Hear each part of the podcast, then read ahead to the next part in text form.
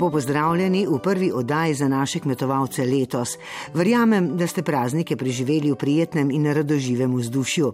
Spomini naj bodo čim dlje vzgib za delo. Začenja se namreč zgodba novega koledarskega leta. Mi pa oddajo začenjamo z uspešno zgodbo preteklega leta. Zaključil se je čezmejni projekt APRO med Slovenijo in Hrvaško, katerega eden od ciljev je vrnitev istrskega goveda, ki je pred desetletji izginilo s pašnikov slovenske istre in čičarije. Več pa Tjaše Škamprle.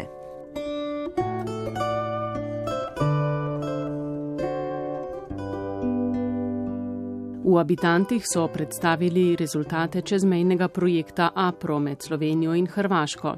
Eden od ciljev je bila vrnitev istrskega goveda, ki je pred desetletji izginilo s pašnikov slovenske istre in čičarije.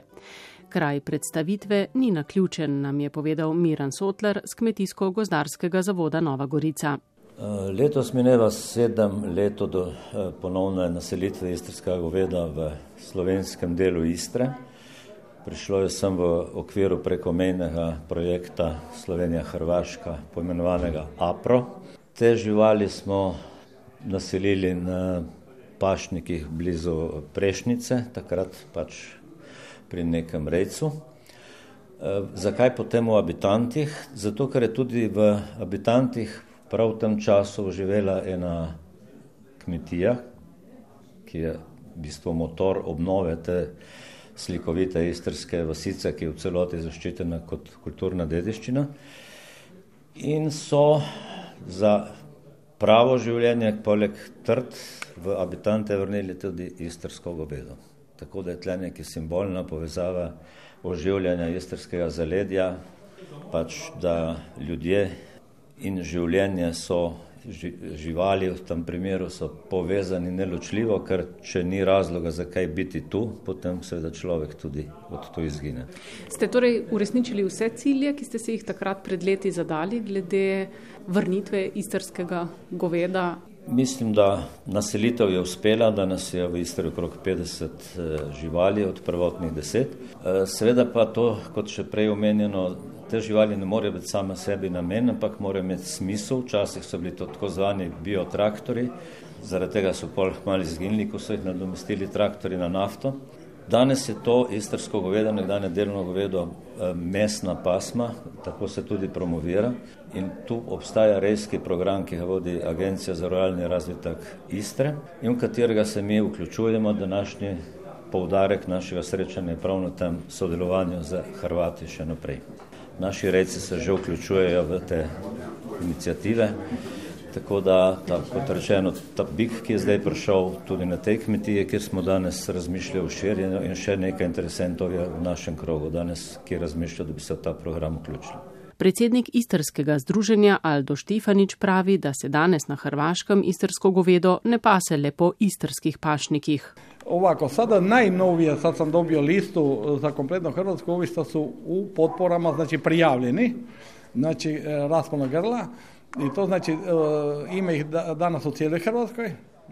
Danes imamo na Hrvaškem, ne le v Istri, 1256 glav istrskega goveda. Če dodamo še teleta, jih je več kot 2000. Neprijavljenih je verjetno še več. Veliko krat me sprašujejo, zakaj istrsko govedo. To je naša kultura. Kot te hiše v habitantih tu, a razlika obstaja. Avtohtone pasme, ko izgine, ne moreš obnoviti. Zato se trudimo in zato se trudite tudi pri vas. To smo naredili za prihodnje generacije. Kar zadeva mesa, je pri nas glavna agencija za ruralni razvoj Istre, seveda tudi županija, ki vlaga res veliko denarja v to. Danes nam agencija odkupi meso in ga na to proda na trg. Zato smo rejci mirni, to nas spodbuja, da imamo istrsko govedo. Če bi bili sami prepuščeni trgu, ne bi mogli biti konkurenčni. Brez dodane vrednosti in znamke, da je to meso iz avtohtone pasme, ne bi zmogli. Agenciji prodamo živo žival, na to pa poskrbijo za zakol, predelavo in kontrolo. Od hleva do mize, da je na koncu pridelek res iz istrskega goveda. Da tu, znači onaj koji dobije na stol to meso, ta, taj brend ili, ili kako bimo rekli, ta neku vrstu jela, to je sigurno da je to to.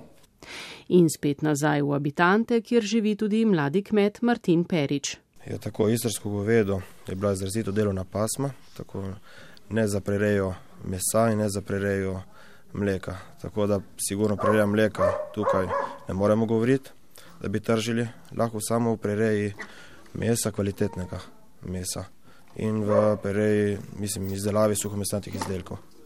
V temu bi se dalo tržiti, kot so po vzoru Hrvati. Oni so že kakšen korak pred nami glede tega? Tako, Hrvati so kaj več kot korak pred nami. Oni so to toliko dosegli, da ima že dejansko premajhen proizvod goveda za njihovo prodajo, tako razširjeno. Tako da zdaj vstopamo v igro mi, te začetni rejci ali pa bodoči, ker bi lahko v povezavi že z njihovo razvito mrežo prodaje eh, mi vzgojili dejansko to istrsko govedo za nadaljni zakol potem. Recimo, vi govedo prodate zadrugi na Hrvaškem? Dejansko mi smo tako majhni, da eh, si ne moremo še privoščiti eh, klanja tega istrskega goveda. Tako da nadomeščam to z drugimi govedi, druge pasme, ampak za, za svoje potrebe. Če pa bi dovolj razširili, so pripravljeni eh, Hrvati, ki imajo klavnico v Pazinu, to dejansko govedo odkupovati zdaj dve državi, ampak Istra je bila vedno enotna in tako se tudi mi, Istrijani, to razlagamo. Tako da večjih problemov mislim, eh, da ni. Hrvaška je že v Evropski uniji, tako da eh, za nas zdaj veljajo skupni zakoni, tudi na področju eh, odkupa, premika živali, tako da večjih zapletov mislim, da, da ne bo. Vi vidite prihodnost svojo v tem? Kako? Zato sem se tudi odločil, da sem prišel z 18 letom tle v obitante. V teku je postopek skupne geografske zaščite mesa in izdelkov iz istrskega goveda. Podana pa je tudi pobuda za ponovno priznanje avtohtonosti tej čezmejni pasmi pri nas. A pri tem ne poteka vse gladko. Vodja javne službe nalog genske banke v živinoreji Daniela Bojkovski z biotehniške fakultete. To je v bistvu zelo težko in zelo politično vprašanje, kajti um, trenutno imamo v Sloveniji veljavni zakon o živinoreji, um, ki, v katerem so v 68. členu navedene vse avtohtone pasme domačih živali, ki jih imamo v Sloveniji. V času pisanja tega zakona istrskega goveda pri nas ni bilo in zato tudi ni bilo vključeno na ta seznam um, avtohtonih pasem. Eh, sicer ta zakon omogoča tudi priznanje novih avtohtonih pasem, ampak žal istrsko govedo ni nova avtohtona pasma. Eh, zato je ta zakon ne omogoča um, priznanje pač avtohtone te istrskega goveda kot avtohtone pasme. Že kar nekaj časa pa, posku, pa čakamo na nov zakon. Uh, to so tudi več čas obljube, da se bo pripravljal nov zakon. In v tem, zakon, v tem zakonu bi se potem te stvari, eh, priznanje teh pasem, eh, uredilo. Ne bi bila pa to nova avtohtona pasma? Seveda, seveda ne, ta pasma je pri nas obstajala že v preteklosti in, je, in obstajajo tudi zgodovinski dokazi o tem, da smo to pasmo že redili v slovenskem delu Istre. Tudi to nikakor ni nova avtohtona pasma in zaradi tega tudi ni potrebe, da gre čez vse te postopke, ki so potrebni za novo avtohtono pasmo. Seveda pa trenutno uh, smo nekje uh, v čakanju uh, in pričakovanju novega zakona, se pa vsi seveda zavedamo te težave in poskušamo to težavo tudi rešiti. Rejci upajo, da se bo politično-birokratski postopek le zgodil. V habitantih je le nekaj dni pred predstavitvijo projekta na svet pokukal nov mali boškarin. Thank you.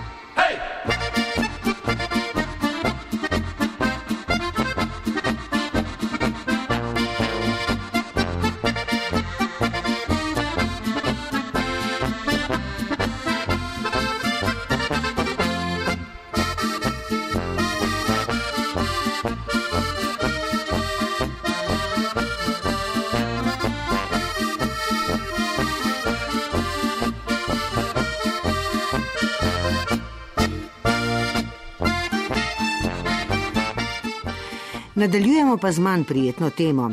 Afriško prašičjo kugo. Gre za nalezljivo virusno bolezen divjih in domačih prašičev. Za bolezen zaenkrat ni cepiva, ne predstavlja pa nobene nevarnosti za zdravje ljudi in drugih živalskih vrst. Širi se hitro, vendar v Sloveniji afriške prašiče kuge zaenkrat še ni.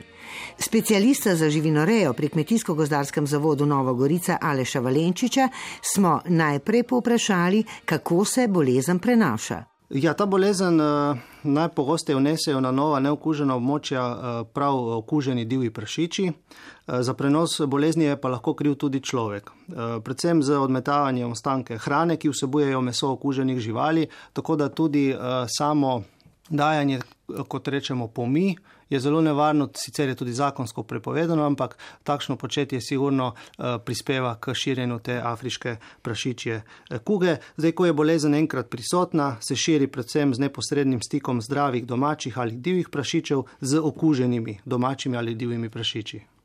Lahko seveda tudi mrtvimi, ne? Tako, ja, seveda tudi mrtvimi prašiči, ja. Torej, kakšni so pa znaki te bolezni? Kdaj lahko posumimo, da gre za obolenje z afriško prašičjo kugo? Eh, ja, na bolezen nekako posumimo, ko imamo nenadoma visoko stopnjo bogina med prašiči vseh eh, kategorij. To pomeni pujski, svinje, pitanci, ne, ko naenkrat nam pogine kar različne kategorije, takrat lahko posumimo na nekaj najhujšega, to je torej ta prašičja kuga, afriška prašičja kuga. Zdaj bolezen lahko poteka na dva načina, v akutni in pa v kronični obliki, torej ta hujša oblika, akutna oblika, kot ji rečemo, zato je značilno, da pride do nenadnega pogina brez nekih očitnih znakov, Eh, lahko vidimo povišeno telesno temperaturo, tam okrog 41 do 42 stopinj Celzija, pojavi se rdečina po koži, najprej se pojavi na vršičkih ušes, na repu, na spodnjih delih okončin, prsih in trebuhu. Prašiči imajo zmanjšan apetit, eh, so apatični, taki bi rekli brez življenja. Ne? Pojavijo se tudi cianoze, motnje koordinacije, torej opotekajo se pri hoji, težko hodijo. Pogosto se pojavi tudi bruhanje in driska, včasih tudi krvava driska, zelo pogost je tudi izcedek iz oči in pa iz rilca. Zdaj pogin lahko nastopi eh, že v 3 do 4 dneh, najpogosteje pa nekako v 6 do 13 dneh, včasih tudi v 20 dneh. Je pa smrtnost zelo, zelo visoka, tudi do 100%. Morda eno vprašanje, eh, poginu 6 do 13 oziroma 20 dneh, kaj bi svetovali, če pač nekdo opazi te znake, ki so morda podobni in eh, kažejo morda na eh, okužbo z afriško prašičjo kugo, kako postopati, kaj je potrebno storiti. Ja, prva stvar, ki je sigurno, je potrebno poklicati veterinarja, da potrdi oziroma ovrže sum. E, možnost je tudi poklicati na številko 112, kjer je vzpostavljena interventna skupina prav za takšne primere. Tako da prvi korak sigurno je poklicati veterinarske službe. Doslej še ni prišlo seveda do primera v Sloveniji. V Sloveniji smo še zaenkrat prosti uh, obeh uh, oblik, torej pri divjih prašičih in pa pri domačih prašičih. Tako da Slovenija je trenutno prosta te bolezni. Kako pa lahko preprečimo okužbo? Je kakšna možnost, torej kakšna je preventiva? Torej, najboljši ukrep za preprečevanje bolezni sigurno je pač, kot ste rekli, ne preventiva. Torej, to so ukrepi biološke varnosti in ustrezna higiena. Kaj to pomeni? To dejansko pomeni dosledna uporaba zaščitne obutve in obleke ter razkuževanje. E, namestimo des barijere pred vhode v hlev, e, redno jih čistimo, e, poskrbimo, da je primerno razkužilo noter, torej to je ta prvi ukrep in naslednji mogoče tudi prav tako zelo pomemben ukrep je, da omejimo dostop vsem osebam, ki jih ne poznamo, torej ne vemo, kje so te osebe bile, ali so bile že mogoče v kakšnem hlevu, bile stike z divjimi prašiči, kot so lovci in podobno. Tako da uh, pomembno je, da pazimo tudi, koga spustimo v hlev. Govorijo o hlevu, uh, kaj pa tisti, ki imajo prašiče v prosti reji? Ja, prašiči v prosti reji nekako so tudi ta najbolj rizična skupina. Uh, tukaj je bilo priporočilo, da se postavi dvojna ograja, torej postavimo fizično ograjo v višini 150 cm in na obeh straneh te ograje postavimo še eh, elektrovrvice. Na ta način nekako preprečimo ta stik divjih in pa domačih eh, prašičev. Vemo, da problematika z divjimi prašiči je prisotna že kar nekaj časa, eh, torej te živali je v našem okolju veliko. Si mislim, da je tudi možnost, da prašičja kuga pride k nam velika. Kaj pravite vi? Ja, sigurno. Populacija divjih prašičev v Sloveniji je kar uh, visoka in nekatere države, ki so imele ta virus, uh, so uh, se nekako organizirale na ta način, da so pravzaprav začele z zmanjševanjem populacije divjih prašičev. Tako da ta riziko v Sloveniji je kar velik, ne? ker, kot rečeno, populacija je izredno visoka. Je to virus, ki je, bom rekla, močan, zelo aktiven? Ja, ta virus je izredno nekako eh, obstojen, če rečemo, ne uničimo ga kar tako. Ne. Eh, tudi v samih suhomesnatih izdelkih, recimo v pršutih, eh, je aktiven celo do 300 dni. Tako da, če enkrat dobimo ta virus, bo dejansko zelo težko nekako ga omejevati. V suhomesnatih izdelkih je virus toliko časa prisoten, ampak v tem primeru še enkrat mogoče prav, da povemo, če zaužijemo te suhomesnate izdelke človeku ne povzročijo težav. Tako je, drži. Pri ljudeh takšni suhomesnati izdelki ne vplivajo na nikakršen način na zdravje.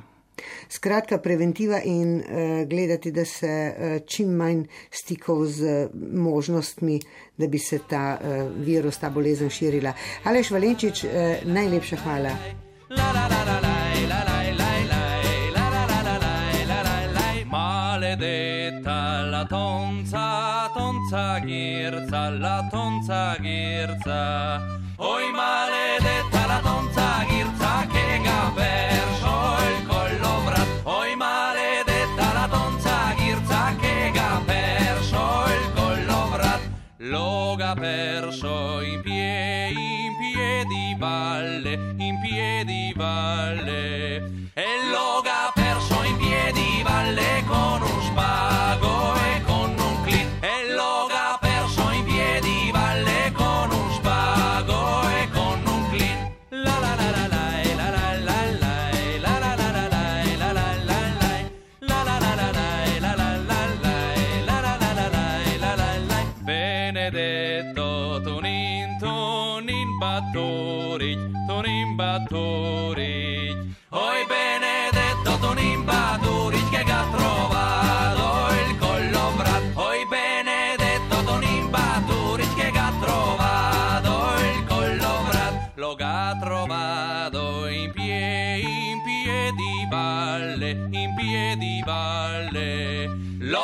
probar.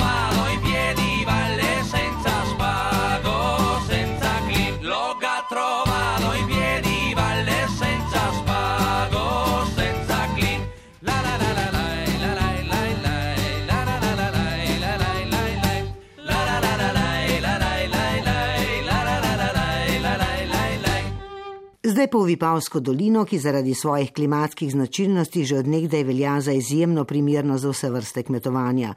Znana je po žitih, vinogradništvu, sadjarstvu in tudi zelenjadarstvu. V prizadevanja za širitev pridelave se je vključila tudi občina Ajdovščina, ki v zadnjem času promovira predvsem dva kmetijska pridelka: tradicionalen črniški radič in ameriški slamnik. S tem želi spodbuditi k njuni pridelavi. Prihodnost vidi v spoju kmetijstva in sodobnih informacijskih tehnologij. Več pa Ivana Zajc. Občina Ajdoščina z gibanko, filmom in knjigo promovira črniški radič, imenovan tudi Hrastovc. Nekdaj je bil pomembno izvozno blago Vipavske doline, je povedal Rajko Črv z kmetijsko-kozdarskega zavoda Nova Gorica. V obdobju 50., 60., 70. let, takoj po drugi svetovni vojni, so vse vasi od Stomaža pa nekje do Nove Gorice po južnem pobočju Čavna pridelovali ta radič, ga silili doma v hlevih in prodajali za v bistvu v obdobju zime, ko nikjer ni bilo na trgu nobenih solatnic, v Ljubljano, v Reko, v Postojno, Idrijo in tako naprej. Tako da je bilo polno tega radiča iz Vipavske doline prodanega in so tudi kmetije s tem živele in si pomagali z ohranjanjem kmetijstva.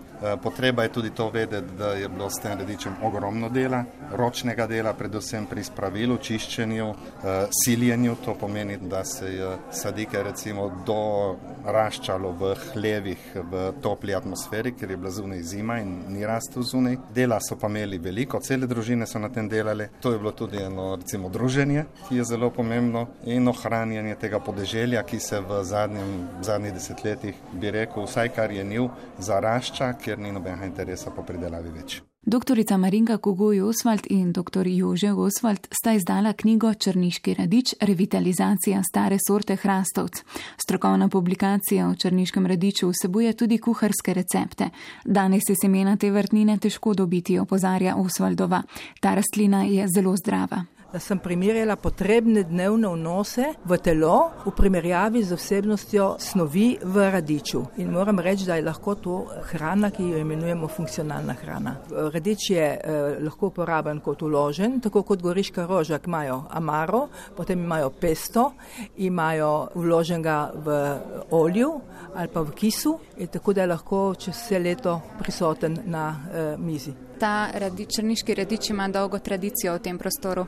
Ja, v tem prostoru ima sigurno tradicijo nekih 150 let. Lasnosti radiča so mikroklimatsko pogojeni z okoljem, ne no, normalno. Tale črniški radič je nekje izveden iz goriškega radiča in pa usporedno je bil goriška roža in pa črniški radič. Goriška roža je rasla v klimatskem okolju, ki je bil boljši recimo, kot v črničah. Črničah je bila huda klima in je zaradi tega je pač drugačen. Kako je danes s temi semeni? Ja, semena, semena smo dobili od tistih, ki so bili eh, še toliko zainteresirani, da so ta semena ohranili eh, in jih eh, konzervirali in jih eh, v hladilniku, čeprav niso ga gojili, so jih v hladilniku ohranili. Tako toliko, da smo lahko potem sami razmnoževali in pa prijavili v sortno listo. Poskusili smo že dvakrat prijaviti v sortno listo, ampak zaradi heterogenosti rastlin ni bilo še potrjeno. Upamo pa, da bo v naslednje leto, ker je mož poskusil tudi klonsko razmnoževati, razmnoževati, eh, da bo na ta način lahko prišli noter do semena, ali pa bo to eh, heterogeno ekološko seme. Evropska unija še nima tega ukrepa, ne vem, ko bi temu rekli, eh, da bi lahko priznali heterogeno ekološko seme kot sorto. Sorta to ni, ne, ampak je kot seme, ki bi ga potem lahko tudi lokalno razmnoževali in pa prodajali in pa gojili. Priložnost za kmete je tudi pridelava škrlatne ehinaceje oziroma ameriškega slamnika, je povedala Marta Koruza z Kmetijsko-gozdarskega zavoda Nova Gorica. Ja, mislim, da je ta ameriški slamnik prisoten več ali manj na vsake, skoraj na vsakem vrtu, tako da mislim, da to je en pokazatelj, da je ta rastlina tudi primerna za naše kraje. Le začeti bi moral nekdo malo v večjem obsegu, mogoče pa je to izziv za vse pridelovalce. Tako da mislim, da bojazni, da ta rastlina tukaj ne bi uspevala, ne more biti. Zaenkrat mislim, da je to še pač rastlina, ki nima nekih eh, škodljivcev, nekih eh, bolezni, bi bile, na katere bi bila občutljiva, tako da mislim, da je to uh, zaenkrat še lahka pridelava. Občina Ajdovščina je oblikovala izdelek iz izvlečka škrlatne ehinaceje oziroma ameriškega slamnika Janes Furlan z oddelka za gospodarstvo in razvojne zadeve. Eh, gre za prehransko dopolnilo, ki vsebuje eh, izvleček eh, učinkovin ameriškega slamnika in ta, ta produkt smo oblikovali v prehransko dopolnilo, ki ga je moč tudi kupiti v tem trenutku. Na svoje predajne police ga je postavila lekarna v Ajdošnju, tako da tam je možno pač to zadevo kupiti in uporabiti. Kar se tiče pa samega ameriškega slamnika, že v preteklosti smo eh, tudi s pomočjo kmetijsko-gozdarskega zavoda prvo najprej testirali pravzaprav ta kultura, ta roža, če jo lahko tako imenujem, uspeva v Vipavsko dolino. Ugotovili smo, da ja, seveda pod predpostavko, da jo za njo poskrbimo tudi z, z namakanjem in ustrezno agrotehniko. Predstavlja pa neko potencijalno tržno niso za kmetovalce in predvsem pa za tiste kmetijska gospodarstva, ki se ukvarjajo tudi z nekimi dopolnilnimi dejavnostmi in lahko potem to učinkovino iz same rastline izločijo in se seveda potem trgu ponudijo bodi si tinkture, mazila, čaje, zelišča, ne nazadnje tudi prehransko dopolnilo, ki smo ga eh, konkretno izdelali skupaj s partnerji v tem projektu. Občina si prizadeva, da bi kmetijstvo povezala s sodobno tehnologijo, je povedal župan Tadej Beočanin pridelovalne površine opremljamo eh, senzoriko, ki potem pridelovalcem, torej kmetom, omogočajo preko nekih algoritmov lažjo odločitev o tem, kdaj namakati, koliko namakati, kdaj škropiti, na kakšen način. Je pa jasno, da tisti ključni projekt, ki ga Vipavska dolina potrebuje eh, za to, da bo še uspešnejša na področju kmetijstva, je pa zagotovo namakalni sistem. Kmete spodbujajo, da svoje izdelke prodajajo na spletu, zato je občina oblikovala spletno trgovino, je povedal Janez Furlan. To je spletna trgovina obrnjena na glavo, kot sem že omenil, eh, torej eh, sistem pogajanja, pogajanja popraševanja kupca in kupec se odziva eh, in kupec izbira med ponudbami, ki jih dobi strani pridelovalcev. To je rešitev, ki predstavlja najkrajšo možno dobavno verigo, torej udejanili smo, udejanjamo tisti rek od polja neposredno na mizo. Kmetje se še vedno lahko prijavijo v spletno trgovino in kupcem ponudijo svoje pridelke. Gremo v dolino, bi pausko, gremo k prijatelju. Gremo na vino primorsko, zraven pa pesem zapet. Spustimo po klancih se zviti, saj daleč preveč ni do tja, a daleč nazaj je do morja, ko družba na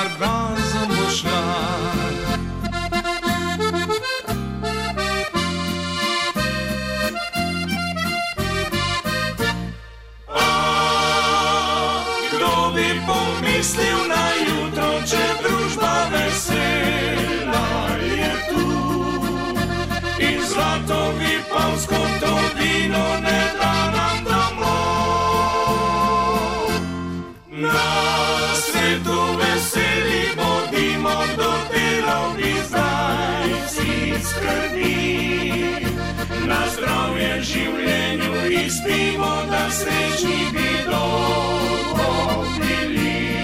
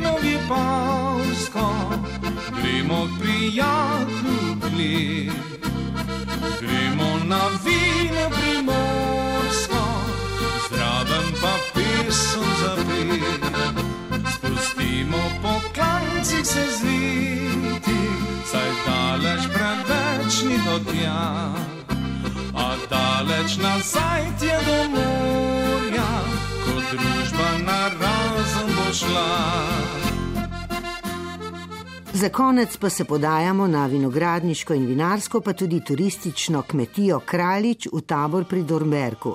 Gre za družinsko kmetijo, ki jo vodita oče Ivo in sin Primoš Čotar ob izdatni pomoči vseh ostalih članov. K pogovoru smo povabili Primoža, ki je sicer zaposlen na vinakras kot upravljalec vinogradov in se tudi pripravlja na prevzem kmetije. Veseli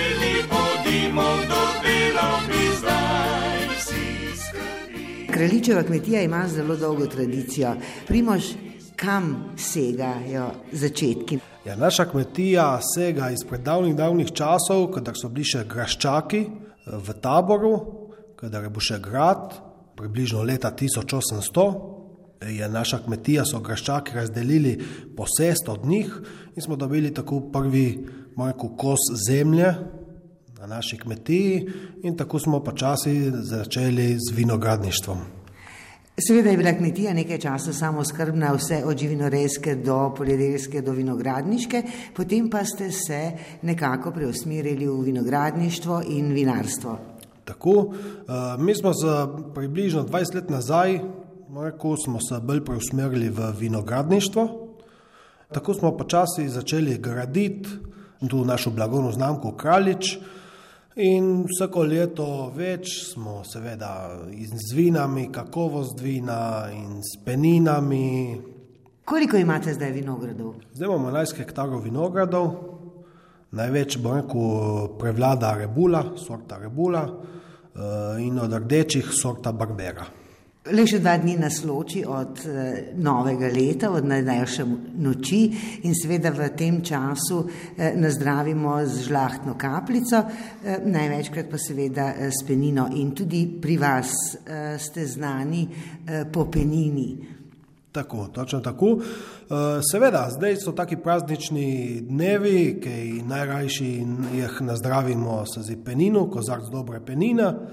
Eh, na naši kmetiji imamo belo penino in roze penino. Tako da ta penina jo delamo po klasični metodi, približno 32 mesecev leži na svojih kvasovkah in potem jo degažiramo.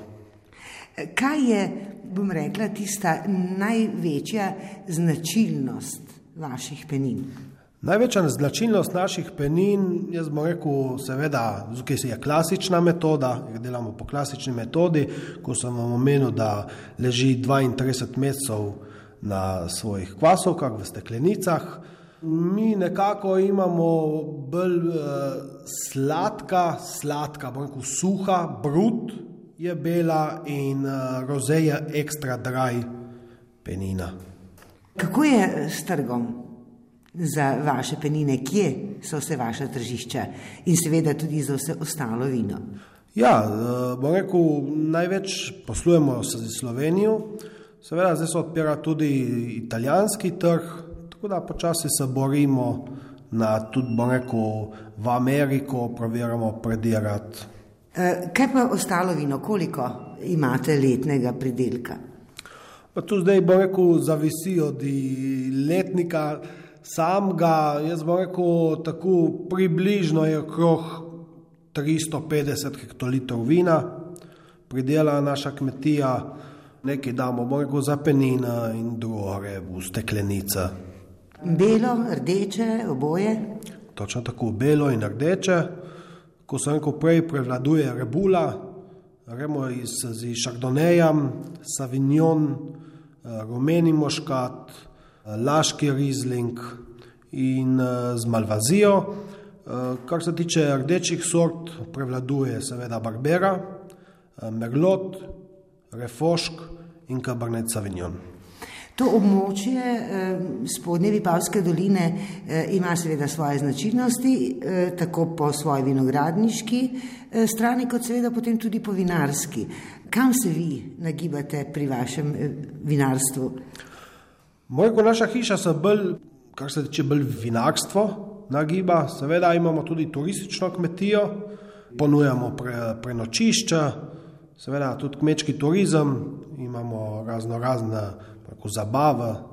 E, to je dopolnilna dejavnost e, kmetije, osnovna ostaja vinogradništvo in vinarstvo. Tako, osnovna je e, vinarstvo in sadjarstvo, ne, imamo tudi breskve, največje vinogradništva, no, s tem se najbolj baziramo, najbolj strmimo v tem, da proverimo čim boljši produkt dati na tržišče.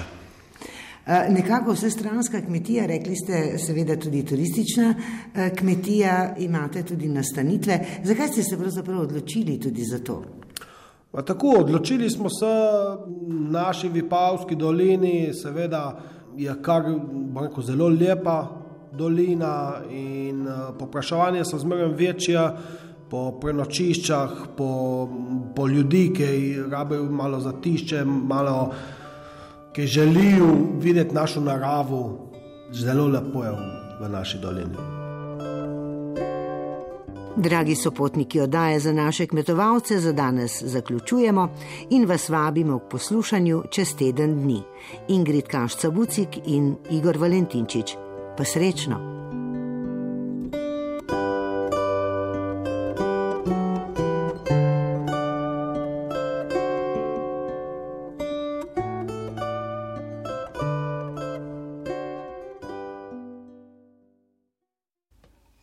Poglejmo še vremenske obete. Napoved je kratka.